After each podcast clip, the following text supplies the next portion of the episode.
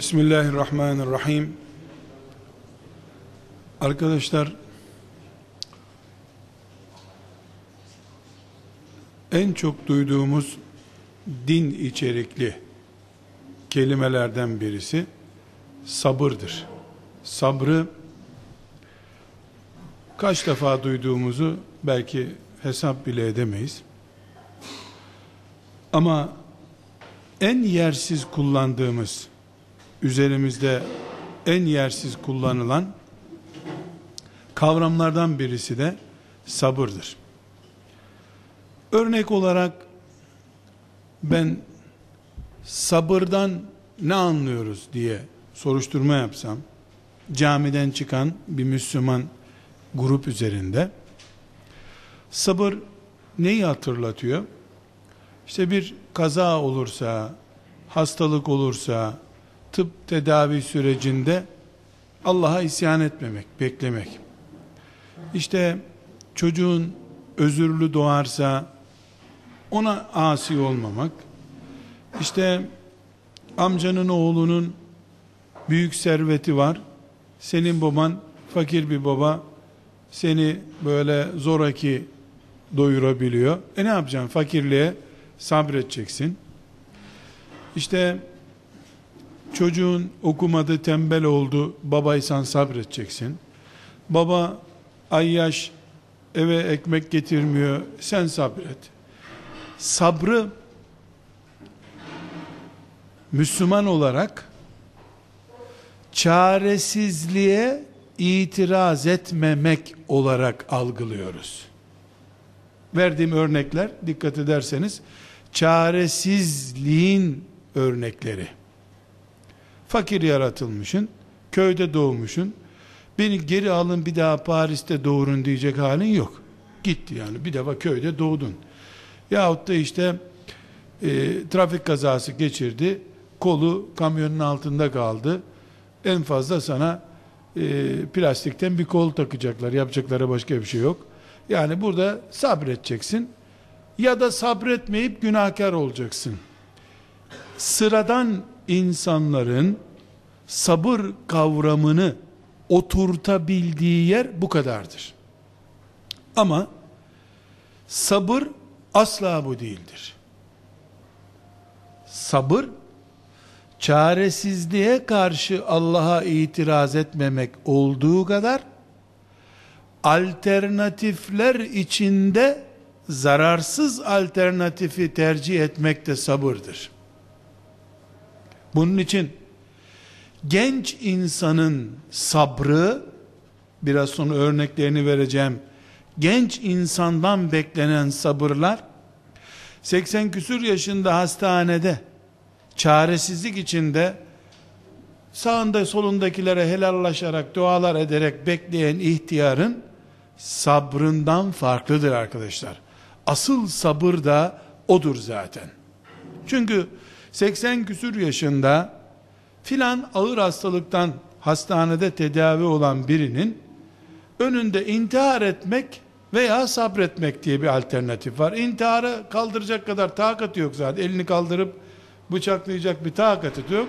Çaresizlikten sabredip Evliyaullah'tan biri olduğunu zanneder. Oradaki sabır dev bir sabır değil. Asıl sabır insanın A, B, C, D, E alternatifleri içerisinden mümin kıvamına uygun olanı tercih etmeyi becerebildiği sabır sabırdır. Rabbimiz bizi imtihan için yarattı ve imtihandan muaf olacağımız, imtihan çekim alanı dışında olacağımız bir dakikada bırakmadı bize. Uykumuz, tuvaletimiz, yememiz, insan olarak bütün eylemlerimizi imtihan konusu olarak önümüze koydu. İnsanları imtihan için göndermesinin doğal sonucu olarak da her insanın önüne risk taşıyan bir yığın ihtimaller koydu. Bu Allah'ın bilerek ve yaratmadaki gayesinin gerçekleşmesi için yaptığı bir iş. Tesadüfen değil. Firavun boşuna değil. Firavun Musa aleyhisselam gibi birisinin Musa olması için gerekli bir ham maddedir. İblis boşuna değil. Gençlerin önündeki kaypak zemin olan kızlar boşuna değil. Onların karşısındaki kaypak zemin olan delikanlılar da boşuna değil. Zenginin cebindeki para boşuna değil. Fakirin aybaşı elektrik parasını toplayıp toplayamama endişesi boşuna değil. Herkesi Allah bir kaypak zeminde risk taşıyan alternatifler üzerinde görmek istiyor. Başka türlü görecek olsaydı Adem Aleyhisselam'ı cennetten çıkarmazdı. Cennet imtihan riskinin ve kaypak zeminlerin olmayacağı, ayak kayma ihtimali olmayan bir yer. İnsanın görülmesi gerekiyor. Piste çıkarılması gerekiyordu insanın.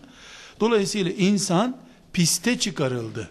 Çıkarıldığı bu pist şehvettir, tamahtır, yiyecek içecektir, sağlıktır, ibadettir, haramlardan kurtulmaktır. Adına ne dersen de ama muhakkak sınanacaktır. Ne zaman sınanacaktır? 15 yaşından gün aldığı saatten son nefesine kadar sınanacaktır. Eğer çok çikolata yediği için 13 yaşında bali olduysa 13 yaşından itibaren. Yani blue çağı en son ihtimal 15 yaşında olduğu için 15 yaşı başlattık. Ee, çikolata sayesinde ve de, gedolu medolu gıdalar sayesinde 7 yaşında akıl bali olacak çocuklar neredeyse o ayrı bir konu tabi ama ne zamansa sana şeriatın adam statüsü tanıdığı o günden itibaren imtihan başlıyor demektir. Bu imtihanı camide huşu içerisinde namaz kılıp kılmayacağımı görmek istiyor Allah diye zannedenler aldanmışların bir numarasıdır. Allah'a camide elinde defterler, işte bilgisayar kayıtlarıyla bekliyor camiye gelip gelmeyenler. Oho camiye kadar işi bitiriyor melekler zaten. Camiye gitmesen de camilik yerleri var. Caminin alternatifleri var. Evde de namaz oluyor. Yani imtihanı sadece kadının başını örtmesi olarak gören anlayışın şu anda İslam'a ne kadar zarar verdiğini de sizler de görüyorsunuz değil mi? Keşke başı örtülmemiş olsa bunların niye diyemiz, diyesimiz geliyor bizim? Çünkü imtihanı başın örtülmesiyle sonuçlanacak 10 madde var. Başı sağdan ört, şuradan bağla. 9, 10.sü de bu. Tamam bir de çok koyu renk olsun. Tamam. Böyle zannedince İslam'ı, Allah'ın imtihanını kulun kaypak olarak yürütüleceği zemini, altı kayak zemini başı örtmekten ibaret, sakalı bırakmaktan ibaret zannedenler mağlup başlıyorlar yarışa zaten. Daha sen piste çıkmadan 40 eksi puanla başlıyorsun. Bir de piste çıkınca paldır güldür düşüyorsun. Puan üstüne puan kayboluyor. Hayat ilk nefesten son nefese kadar yani buluğ çağının ilk nefesinden son nefese kadar imtihandır. Yatakta imtihan, kalkışta imtihan, her yerde imtihan.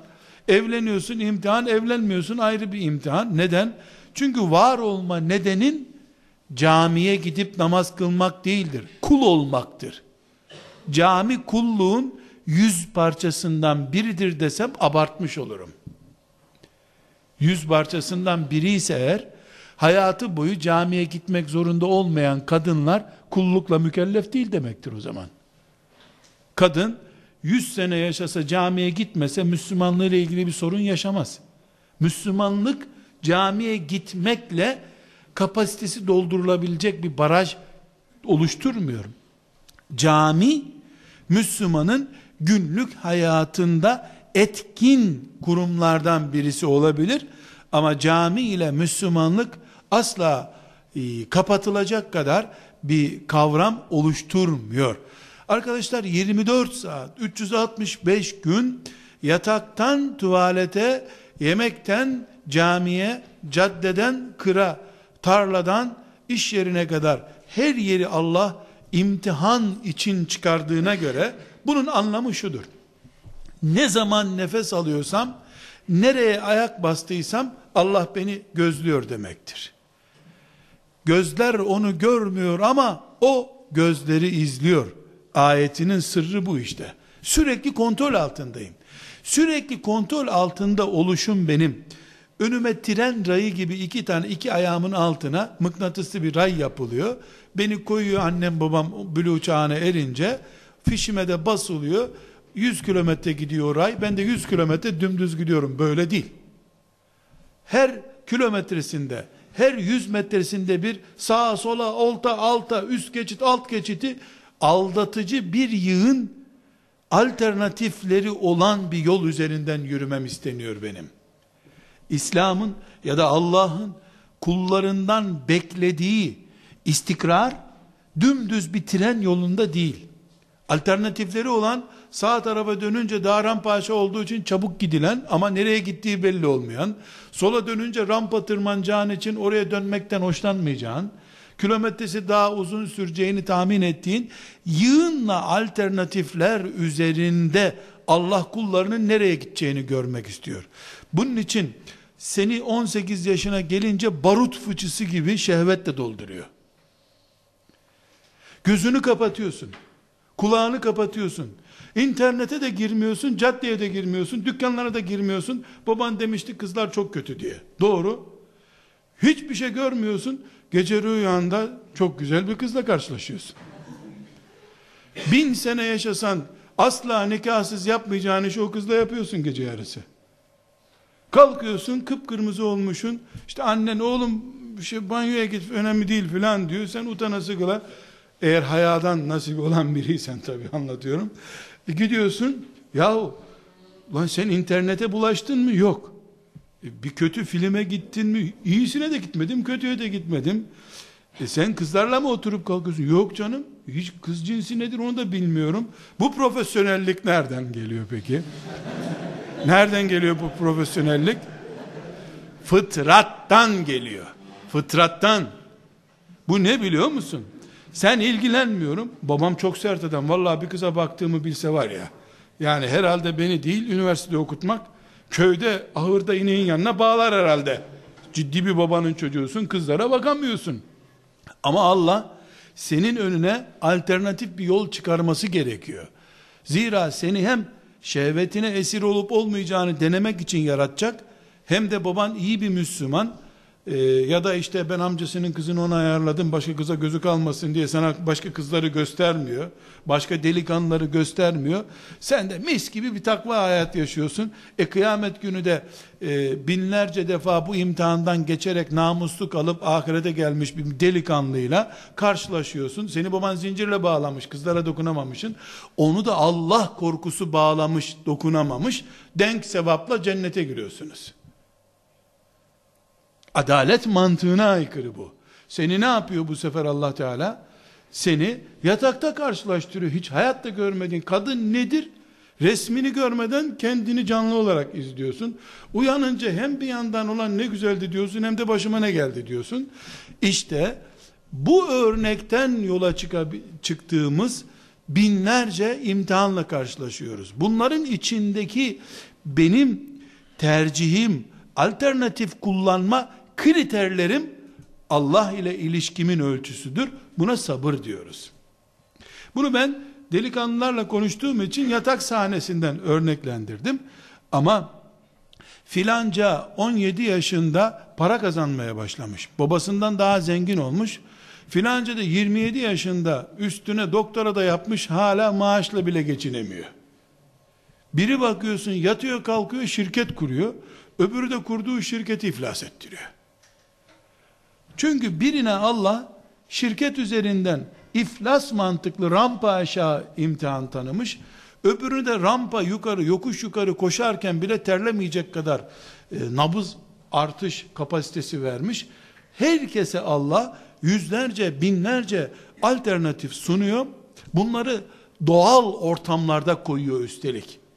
Bu doğal ortamlarda olduğu için de Müslüman bir insan hangi imtihanda hangi sonucu elde edeceğine dair eğer sabır mekanizmasını devrede tutamadığı bir hayat yaşıyorsa Müslüman olduğu halde imtihanı kaybedip ahirete gidiyor. Burada sadece bir örnek vereceğim arkadaşlar. Bekar olduğunuz için tabi bunu anlamakta zorluk çekeceksiniz. İnşallah bu örneğimi ebedi görmezsiniz. Öyle dua ediyorum sizler için. Ama arkadaşlar evlendiğinizde arkadaşlarınız işte helal evlenelim, örtülüyle evlenelim, helal bilenle evlenelim diye bir sürü kriterler kullanacaksınız inşallah. Takılmazsanız e, manyetik bir alanda bir yere. Yani böyle bir evlilik yapacaksınız. Yapmanız gerekiyor daha doğrusu. Yapacaksınız. Şimdi düğününde oyun oynanmamış, içki içilmemiş, hanımını senden başkası kimse görmemiş, gelinlik bile giydirmemişsin. Sen A alternatif. B'ye bakıyorsun. Düğünde oynanmış, içki içilmiş, karısıyla millet tokalaşmış, daha buna gelmeden millet öpmüş, okşamış, müstehcen bir görüntü olmuş. Hayrola, uzaydan bir konumu anlatıyorum ben arkadaşlar. Gelini tebrik etmiyor mu? Üniversitedeki bütün arkadaşları kucaklaşmıyorlar mı? Hayırlı olsun, kutlu olsun diye. Maşallah ya ne melek ordusuyla karşılaşmışız burada. Arkadaşlar dilerim Allah size nasip etmesin böyle bir şey. Korusun sizi. Çünkü o korumadıkça olacağı yok bu himayenin. Şimdi buna bakıyorsun. Üç ay sonra bu iki arkadaş evlendiler. Bu yani tertemiz korunmuş hijyenik bir evlilik yapmış. Bunda da hijyenik yok. Köprü altında yaşayan çocuklar gibi ayakkabısız terliksiz dolaşıyor grip bile olmuyor. Bunu anası çorap üstüne kazak kazak üstüne kaşkol atıyor. Gripten hastalıktan kurtulamıyor çocuk. Evleniyor insanlar. Bakıyorlar ki bu tertemiz yaşayan aile herhalde sabaha kadar teheccüd kılıyorlardır. Akşama kadar da cihat ediyorlardır. Akşamda melekler mennü selvayı sofralarına koyup yiyorlardır herhalde. Bu kadar temiz bir yuva kurdular ya. Bu hainler de düğünde bir sürü rezillik yapmışlardı. Bunlar da herhalde biri bıçakla biri tabancayla odadan odaya birbirini kovalıyorlardır. Sonra bir bayram görüşmesinde buluştuklarında bakıyorsun ki nasılsınız vallahi uçuyor mutluluktan balayına gittik armut ayına gittik bir yerlere gidip duruyorlar. Bunlara soruyorsun fesubhanallah işte büyük bir bela karşılaştık diyor. Karısına soruyorsun vallahi bir lanet başıma yağdı diyor. Kocasına soruyorsun. Arkadaşlar buradaki mantık ne biliyor musun? Birisi kuralsız hayatı onayladığı için sağa dön sola dön diye bir trafik levhası görmüyor. Çölde araba kullanıyor zaten. Jibe binmiş çölde. Sağa dönsen ne olacak, sola dönsen ne olacak? Takla atsan ne olacak? Kuma düşüyorsun zaten. Bu trafik testine çıkmış. Şu suratı yapamazsın diyor. Kadını şuraya götüremezsin, buraya götüremezsin. Filan ticaret merkezi açılmış. Hanımın oraya gidebilir misin? Rezil millet birbirini gözlüyor orada. E şu çikolata getir, onda domuz yağı var. Bunda jiletin var. Bu mutfakta sansür, yatak odasında sansür. Çatlaması için yüz taraftan matkapla delilen bir aile gibi bu. Çünkü bu teste girmeyi kabul etmiş bir aile. Bu da ne testi lan biz burada zıplamaya geldik diyor. Zıpla deniyor buna. Arkadaşlar alternatifler üzerinde sabır testine tabi tutulmak budur. Bunu onlarca örnek üzerinden irdeleyebiliriz ama ben bir başlık açtım. Gencin sabrı diye bir başlık açtım. Allah Teala Efendimiz sallallahu aleyhi ve sellem buyuruyor ki zikzağı olmayan genci çok sever ve ondan çok memnun olur diyor. Zikzağı olmayan genç. Bu hadisi siz başka bir yerde çok daha farklı duydunuz. Yedi kaliteli mümine Allah arşın gölgesini söz veriyor. Bir tanesi de gençliğinde Allah'a kulluk zevki yaşayan delikanlı. Allah'a kulluk namaz kılmak, sakal bırakmak değil. Allah'ı her yerde hissedip yerken helal yemek, konuşurken hakkı konuşmak, tutarken helale tutmak, çalışırken ümmeti Muhammed'e hizmet edeceğim diye çalışmak, kazanırken helal kazanmak, eşini Allah'ın emaneti olarak görmek, kulluk bu. Bu mantıkla buluğ çağına gelmiş, delikanlı olarak yaşamış, bu Ömer bin Hattab gibi, mücahit gibi, şehit gibi Allah'ın arşının gölgesinde gölgeleniyor. Gencin sabır testi ihtiyarınkinden zor. Zaten ihtiyar bir adam genç bir kıza sarkıntılık yapsa önce kız çantasını kafasına patlatır onun. Utanmıyor mu? Torunun yaşında biriyle uğraşıyorsun diye. Ama gencin böyle bir tepki görmesi zayıf. Zayıf ihtimal. Bu nedenle arkadaşlar gencin sabrı hangi alandadır diye bir soru sorduğumuzda cevabımız şudur. Gencin yaşayacağı hayat neyse sabrı da o alandadır. Bir gencin bir yıllık takviminde ne varsa Allah onu o takvimdeki e, başlıklar üzerinden sabır testine tabi tutacak demektir. 70 yaşında bir ihtiyarın bir yıllık takviminde de ne var? Emekli olmak, emeklilikten sonra yakın bir hastanede ev kiralamak, hastaneye gidecek muhakkak çünkü hiç Allah koruyacak diye bir şey yok. Ee, onu da kaderden, ecel korkusundan imtihan edecek Allah çünkü. Doktoru mu Allah görecek, Allah'ı mı doktor olarak görecek? Bunu test etmek ister Allah. Bu Allah'ın kudretine ne kadar güveniyor onu görecek. Ondan sonra e, torunlarının namaz kılıp kılmamasına karşı ne kadar refleks gösterecek. Oğlunu falakaya yatırıyordu namaz kılmıyor diye. Toruna gelince yaşlı, pilleri bitmiş, torunu da çok seviyor. E, bu sefer buna hiç namaz kıl demiyor. Görecek bir çeşit yani 70 yaşındaki sınav başka, 18 yaşında 20 yaşındaki bir sınav başka. Dolayısıyla arkadaşlar biz gencin sabrı dediğimiz zaman gencin hayatında ayağının kayması muhtemel yerler veya düz yürümesi kaymadan yürümesi gereken yerler diye bir başlık kullanıyoruz demektir. Kardeşler hepimizin bildiği bu asrın hayatında gençler bazı noktalarda ayakları kayıyor. Dikkat edin namazı saymayacağım. Orucu saymayacağım. Haccı da saymayacağım. Umreyi de saymayacağım. Bunları imtihan alanı olarak görmüyorum. Neden görmüyorum? Çünkü bunlar kazası olan şeyler. 18 yaşında namaz kılmadı, 38 yaşında başladı. Kaç sene ediyor? 20 sene. 20 senelik namazın sayısı belli. Millet tatile gider, sen de bir, bir ay izin alırsın, sabahtan akşama kadar namaz kılarsın, iki senede kapatırsın bu hacı. Kazası olan şeyler. Orucun da kazası var. Hacca 45 yaşında da gidebilirsin. Ama arkadaşlar, kazası olmayan, yani telafisi mümkün olmayan hatalar var. Yani araba kullanıyorsun, bir kaza canına mal oluyor, bir kaza da arabanın camını kırıyor. Sigorta değiştiriyor camı zaten. Ama seni değiştiren bir sigorta yok henüz. Gittin mi gidiyorsun. Gencin hayatında risk taşıyan yerler, bu risk taşıyan yerleri de ikiye ayırıyorum. Telafisi olur şeyler, telafisi olmaz. Alternatif hatası yaptığı zaman, sabır mekanizmasını aktif hale getiremediği zaman, gencin bedelini ağır ödeyeceği yerler. Bu ağır ödenecek, bedeli ağır ödenecek yerlerin arkadaşlar bir numaralısı gencin anne babayı bir imtihan, bir musibet, Allah'tan gelmiş bir bela olarak göremeyişidir. Bu bela kelimesini Türkçedeki anlamıyla kullanmıyorum.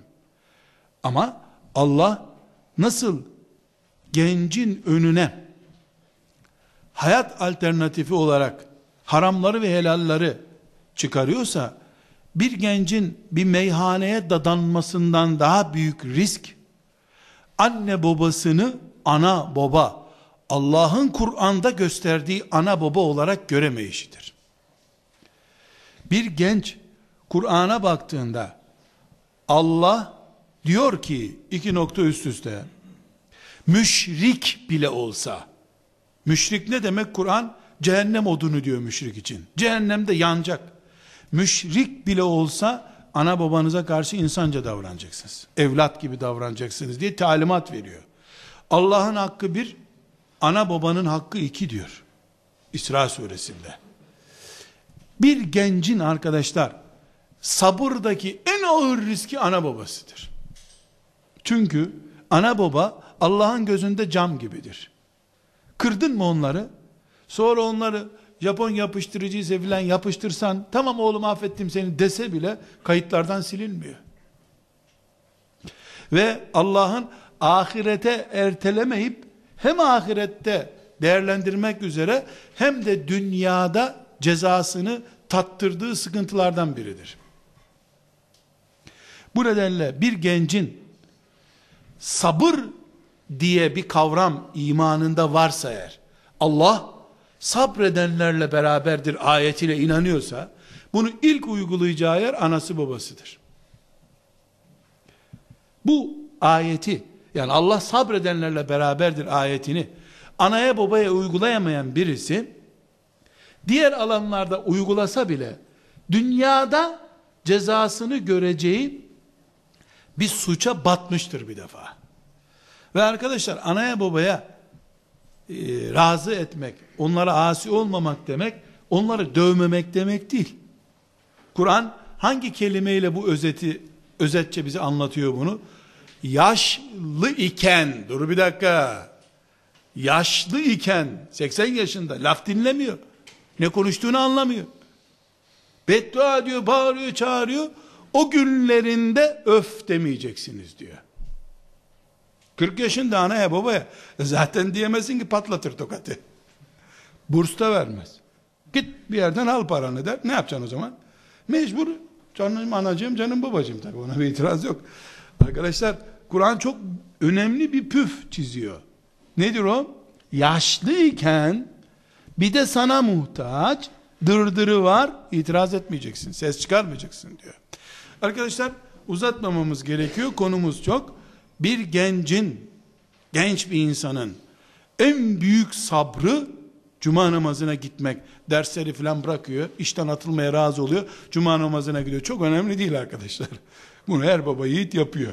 Sosyal hakkında bilmem neydi diye e, onu da konuşuyor. Çok yakında inşallah cuma günü tatilde olur merak etmeyin. Gidişat İslam çünkü muhafazakarlık kalıplarında büyüyerek devam ediyor.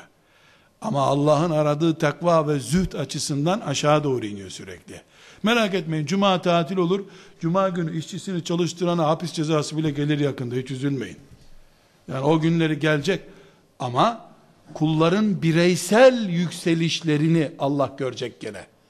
Bir önceki kuşağı Allah filan zalim despot Kur'an'ı yakmak isteyen, ezanı susturan zalimlerle sınadı bu kuşağı, bundan sonraki kuşağı da Allah her şeyin İslamca olduğu bir yerde ne yapacak diye görecek. İkisi arasında puan farkı yok arkadaşlar.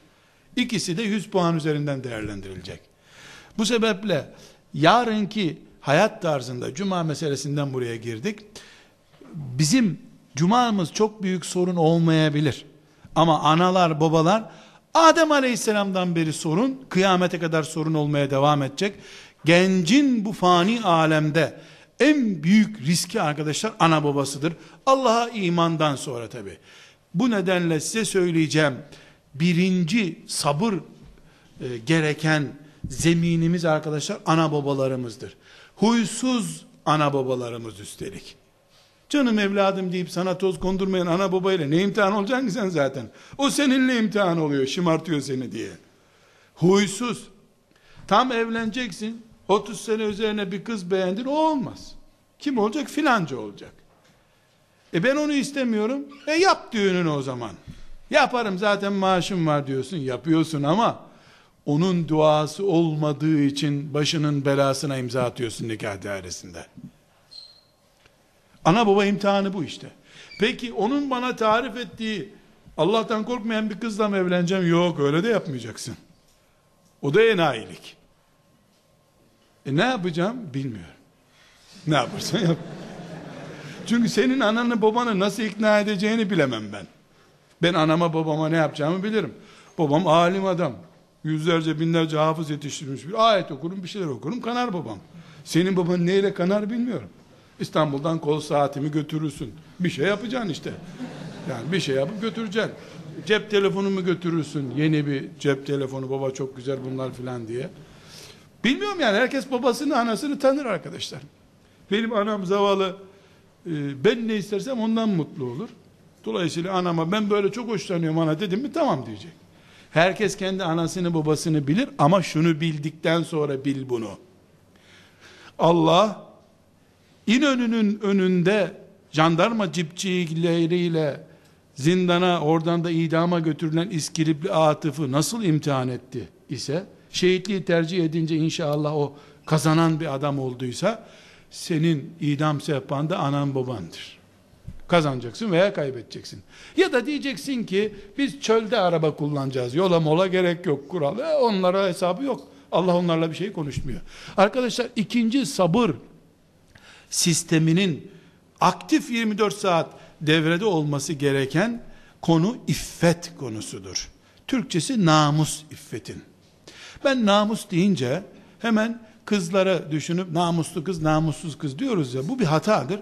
Namussuz erkek de olur. Eğer namus insanın haram ilişkiye bulaşması demekse erkek için de haram, kadın için de haram bu.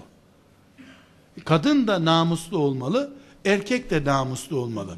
Arkadaşlar bilhassa bilhassa buluğ çağından sonra namus çok cazip tekliflerle elden gider. Hiç kimse benim namusum gitsin diye namustan taviz vermiyor. Benim fetva meclisi diye başında bulunduğum bir e, internet sitem var arkadaşlar. Günlük yüzlerce soru geliyor. Çok büyük bölümü genç kızlarla sıkıntısı olan erkekler ve o kızlara ait. Sadece bir şablon önünüze koyabilmek için örneklendiriyorum. Eğer günde 100 soruyu inceleyip cevaplandırıyorsam arkadaşlar istisnasız 50'ye yakını biz Allah rızası için sonra çok güzel İslami bir aile kurmak, mücahitler yetiştirmek için görüşmeye başlamıştık. Sonra bir teknik hata oldu. İşte kısa devre olduk. Şöyle oldu, böyle oldu. Şimdi tövbe ettik. İşte bundan sonra e, artı bundan sonra alternatifleri geliyor işte. Şöyle yapsak olur mu, böyle yapsak olur mu? Arkadaşlar yani bunlardan bir kısmını evime götürüyorum e, in, akşam inceleyeyim sabahleyin e, cevaplandırırım diye. Yani evimde huzurum kaçar, yuvam, yuvamın bereketi kaçar diye sorulan sorulara cenneti, tövbeyi göstereceğim işaretler veriyorum ben. Yani filmini seyrettir bana diye bir tutanak tutturmuyorum. Tövbe etmen lazım, şöyle yapman lazım diyorum. Bu da Allah için yaptığım bir iş. Evimde huzur ve bereket kaçar diye birkaç aydır evime götürmemeye başladım arkadaşlar.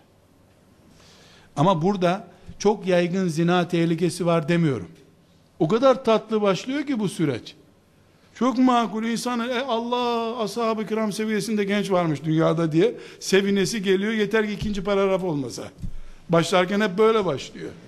Da ne hikmetse noktalı virgül koyuyor ondan sonrası çok kötü.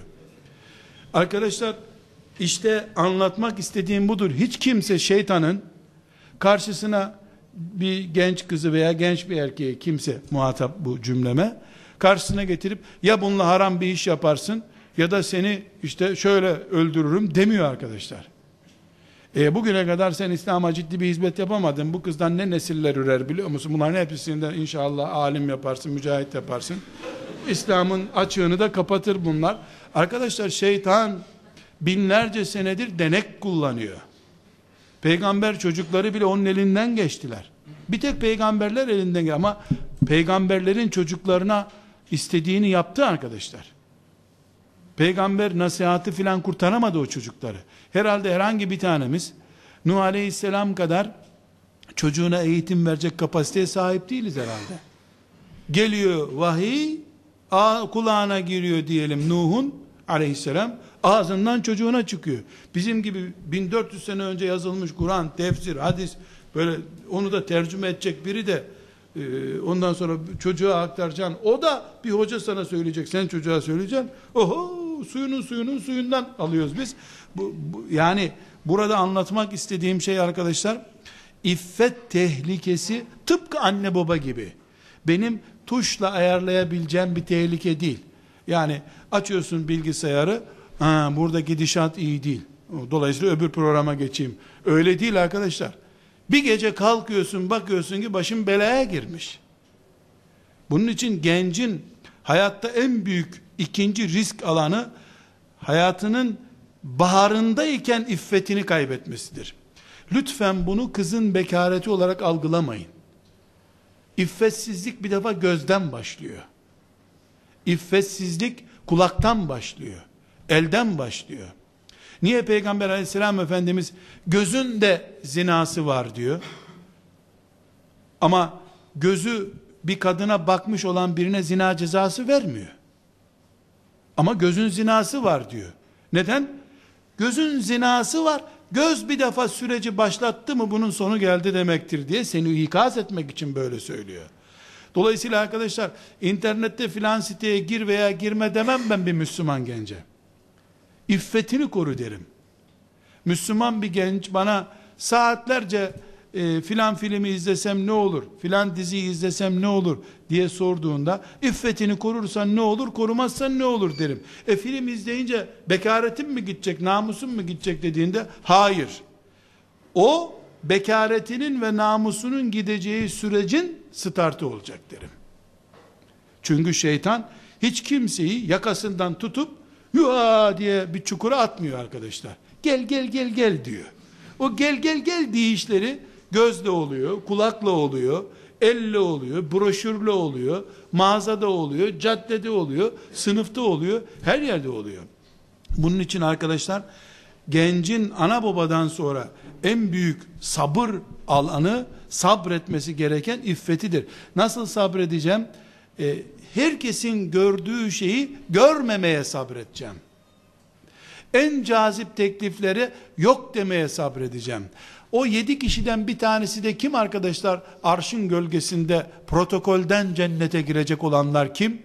En cazip zina teklifinde bile Allah'tan korkarım ben uzak dur diye.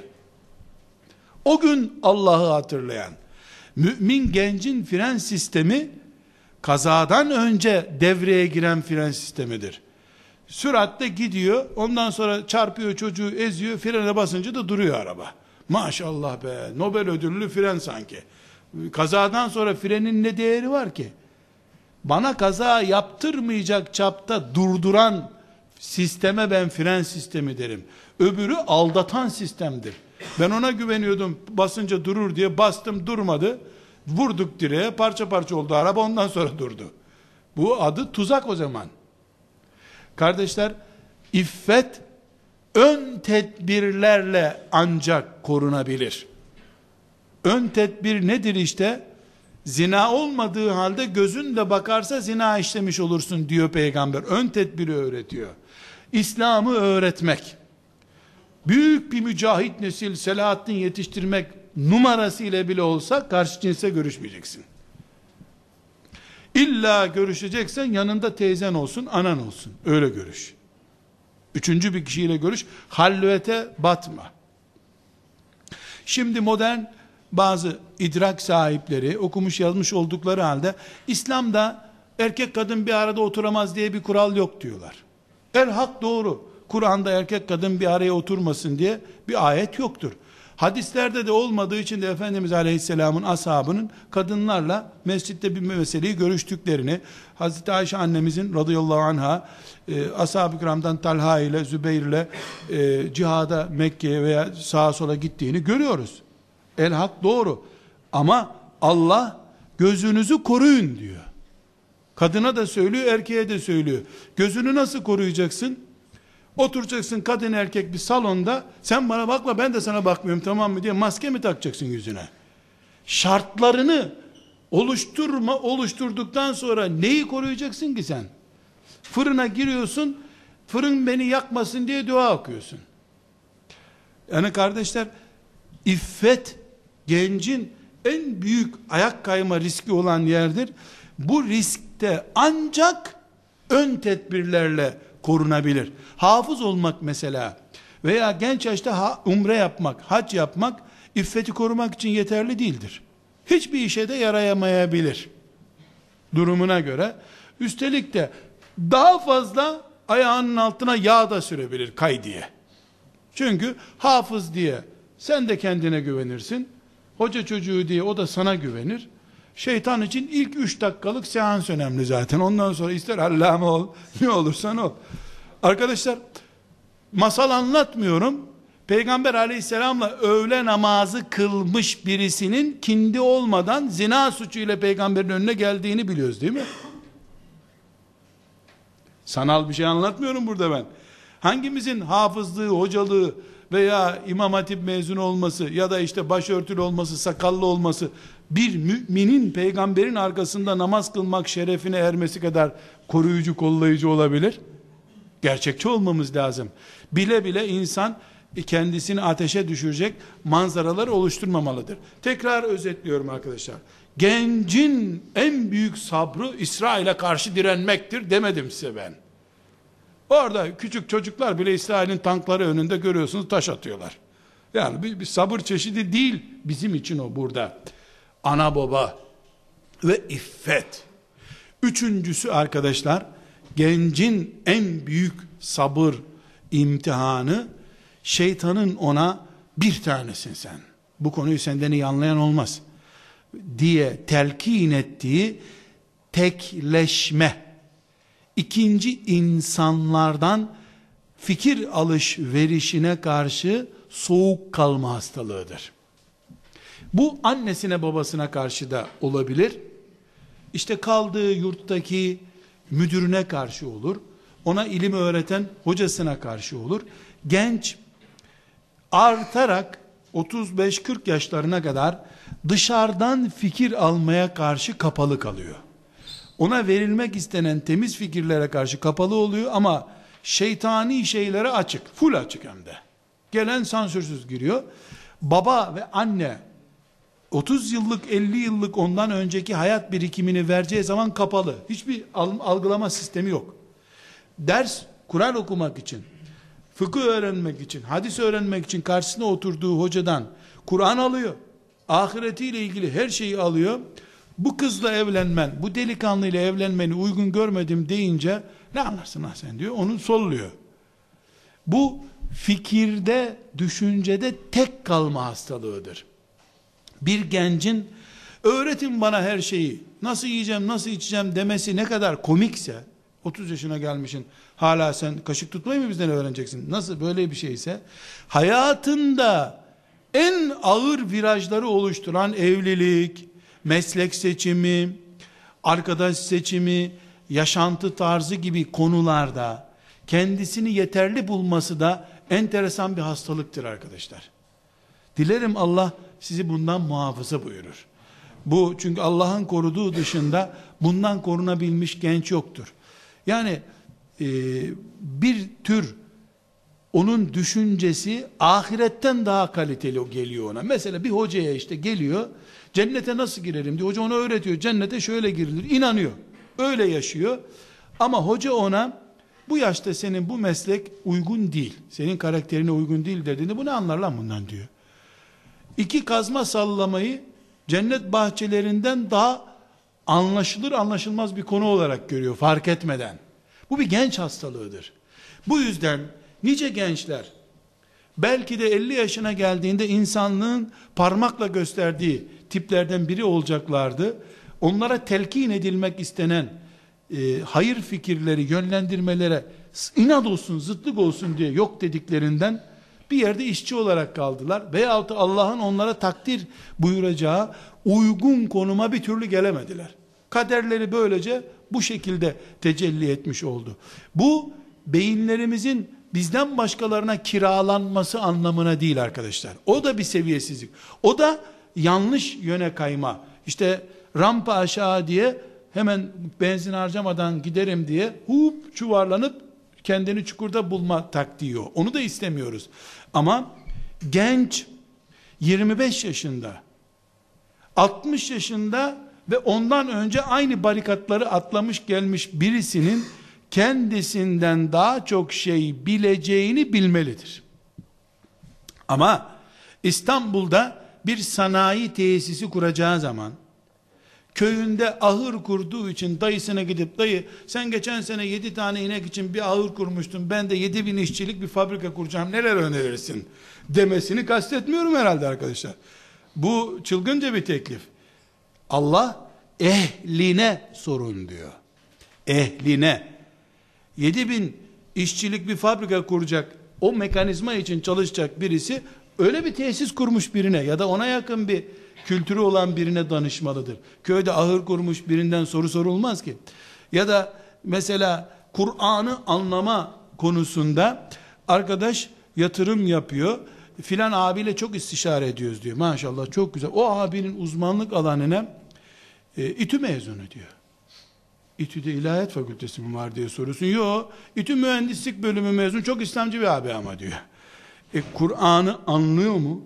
Hadis anlıyor mu? Fıkıh anlıyor mu? O da gazeteden, dergiden okumuş senin gibi. Kel kelden ilaç soruyor. O biraz daha lafazan, ağzı çabuk laf yaptığı için seni yönlendirmiş oluyor. Dinini Allah'tan korkmaktan başka derdi olmayan birine sor. Yönlendirmesine ikna ol. İş hayatını hayatı fiyaskoyla sonuçlanmamış birisinden öğren. Sen 25 yaşındasın. O 25 yaşındayken başarılı olmuş birinden soru sor. Evleneceğin zaman da evlilik macerasını senden önce geçirmiş birine inanman lazım. Tabii ki e, seni memleketinden dolayı, ırkından dolayı sevmeyip seni tuzağa düşürecek birine git demiyorum. Ama itimat ettiğin birisi senden önce yaşamış. Adam senden önce evlenmiş. Çocukları olmuş. Onları da evlendirmiş. Sana diyor ki bu evliliği uygun görmüyorum. Ne karışıyorsun hayatıma diyor. İşte gencin sıkıntısı bu arkadaşlar. Anne baba sıkıntısı, iffet sıkıntısı ve başka fikre kapalı olma sıkıntısı. Bu üç sıkıntı arkadaşlar bir gencin hayatıdır aslında. Bu noktalarda sabırla hareket eden birinin namaz sorunu yok zaten. Onun namusuyla ilgili bir sorunu yok. İbadetle ilgili bir sorunu yok. Binaenaleyh bir genci kampa aldığı zaman vakıf başkanları, eğitimciler onlara abdesti öğretmeden önce insanın bu teknik sorunlarını e, öğretmelidirler ama bu tabi kağıdı verip bunu oku bundan sonra böyle yaşa demek de olacak bir şey değil. Eğitim sistemini bu mantıkla kurmak gerekiyor. Diliyorum arkadaşlar Allah Teala sebat etmeyi, e, dini üzere yaşamayı hepimize kolay kılsın. İmtihanın hiçbir zaman ağırı ve hafifi yoktur. Yani Şit aleyhisselam zamanında, Nuh aleyhisselam zamanında ne kadar kolaydı lan. İnternet yok, sinema yok, tiyatro yok, televizyon yok. Hiç öyle değil arkadaşlar. Öyle olsaydı 100 kişi toplayabilirdi Nuh aleyhisselam. İnternet engeli mi oldu? Medyaya mı takıldı Nuh aleyhisselam?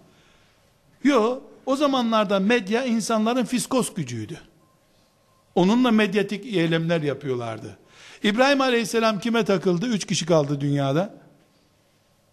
İbrahim Aleyhisselam da Nemrud'u açtı. Ateşini söndürdü. Ama insanlar iman etmedi. Babası yine iman etmedi. Demek ki e, İsrail zulmü, Amerikan zulmü filan da değil bizim meselemiz. Çok daha derin. Yani Allah aynı cennete çağırıyor. Aynı şartları kullanması gerekiyor adaleti. Adalet budur. Yani onları bin kilo kaldırın cennete gelin diyorsun. Bunlara da 200 kilo kaldırın cennete geliyorsun demez Allah. Biz sadece pamuk çuvalını büyük görüp bu, bu ne tonlarca zannederiz. Küçük bir demir parçasını da ondan daha hafif zannederiz biz. Yanılgımız budur. Allah sonumuzu hayır etsin. Gençliğimizi mübarek etsin.